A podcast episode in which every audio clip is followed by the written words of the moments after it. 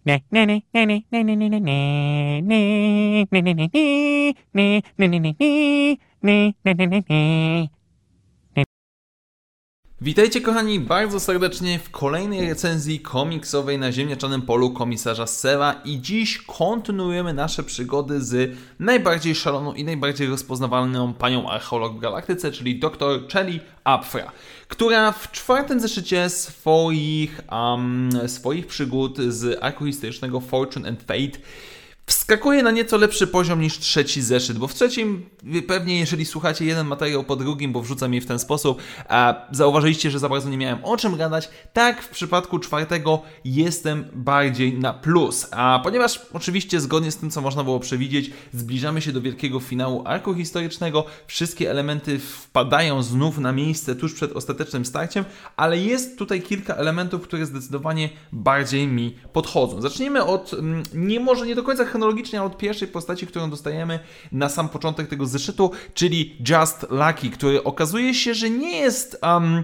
znaczy, nie jest jego wątek oryginalny, to nie jest po prostu łowca nagród, który uwielbia pieniądze, tylko robi to wszystko ze względu na swojego, zakładam, domyślam się, śmiertelnie chorego, czy też specyficznie chorego młodszego brata, o którego się troszczy i najzwyczajniej w świecie podchodzi do wszystkiego biznesowo, ma wszystko gdzieś, znaczy ma gdzieś to, dla kogo pracuje do pewnego przynajmniej stopnia, e, nie obchodzi go, kogo, jakie zlecenie ma wykonać, on po prostu się martwi o swojego brata.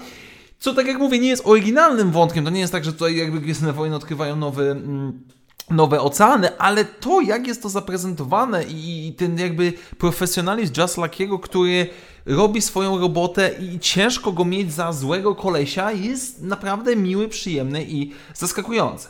Oczywiście i równocześnie, jako że zbliżamy się ku końcowi, okazuje, ostatecznie rozwiązuje się zagadka tajemniczego miasta, w którym e, nasi bohaterowie wylądowali, a mianowicie miasto, które rzekomo zostało mm, e, zniszczone, czy też którego mieszkańcy zostali zniszczeni, oszaleli, zginęli i tak dalej przez klątwę ciążącą na pierścieniach, okazuje się, że pierścienie miały z tym nic wspólnego.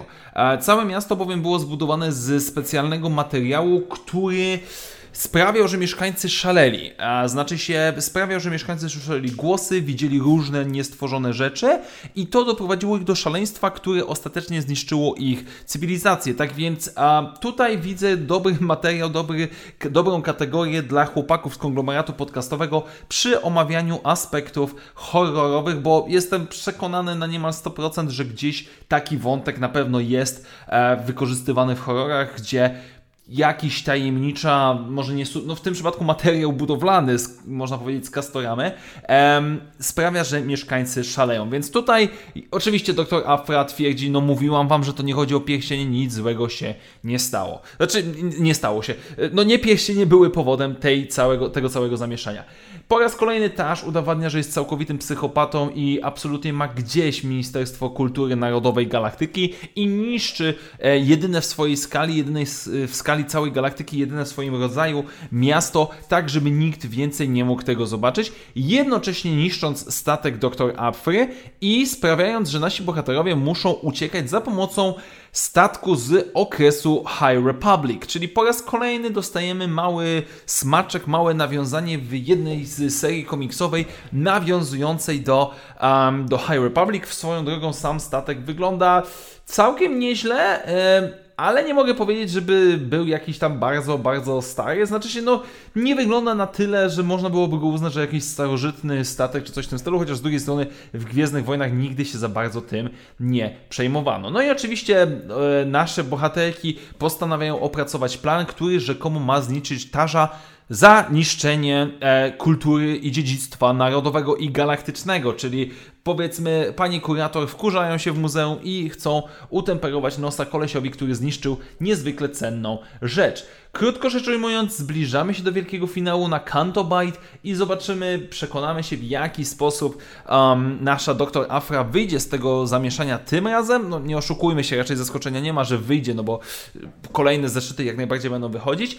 Co jest jednak niezwykle ważne, To jest jeden z tych zeszytów, które lubię, bo on nie jest um, wybitny. E, generalnie cały ten ark historyczny też absolutnie nie ma jakichś wyróżniających się specjalnie kadrów, rysunków. Ba, powiedziałbym, że w momencie, kiedy nasi bohaterowie podróżowali po tym mieście, były one, wydawały mi się one dosyć mocno puste, ale teraz jakby daje mi to rozrywkę. Ten komiks daje mi na tyle zabawy, na tyle przyjemności, że okej, okay, autentycznie, doktor Afra, pokaż mi, jak pokonasz głównego złego i kto ewentualnie zginie przy tobie w finale tego arku historycznego. I takie rzeczy lubię. Jakby to jest to, co mogę zaakceptować, to jest to, co mi się podoba. Nie super ekstra niesamowicie ambitne historie, e, nawet jeżeli chodzi o Doktor Afra, ale dobrze zrealizowane, dające kilka ciekawych, fajnych rzeczy i rozbudowujące nam niektórych bohaterów mimo wszystko na przyszłość, bo jestem przekonany, że taki Just Lucky raczej chyba nie zniknie nam pod koniec tego arku historycznego. Tak więc czwarty zeszyt Doktor Afry z serii z 2020 roku jak najbardziej na plus. Czekam na więcej i zobaczymy, co wyniknie z całego tego zamieszania. A na teraz dziękuję Wam bardzo serdecznie, moi drodzy. Do usłyszenia wkrótce w następnych materiałach i jak zawsze, niech moc będzie z Wami. Na razie, cześć!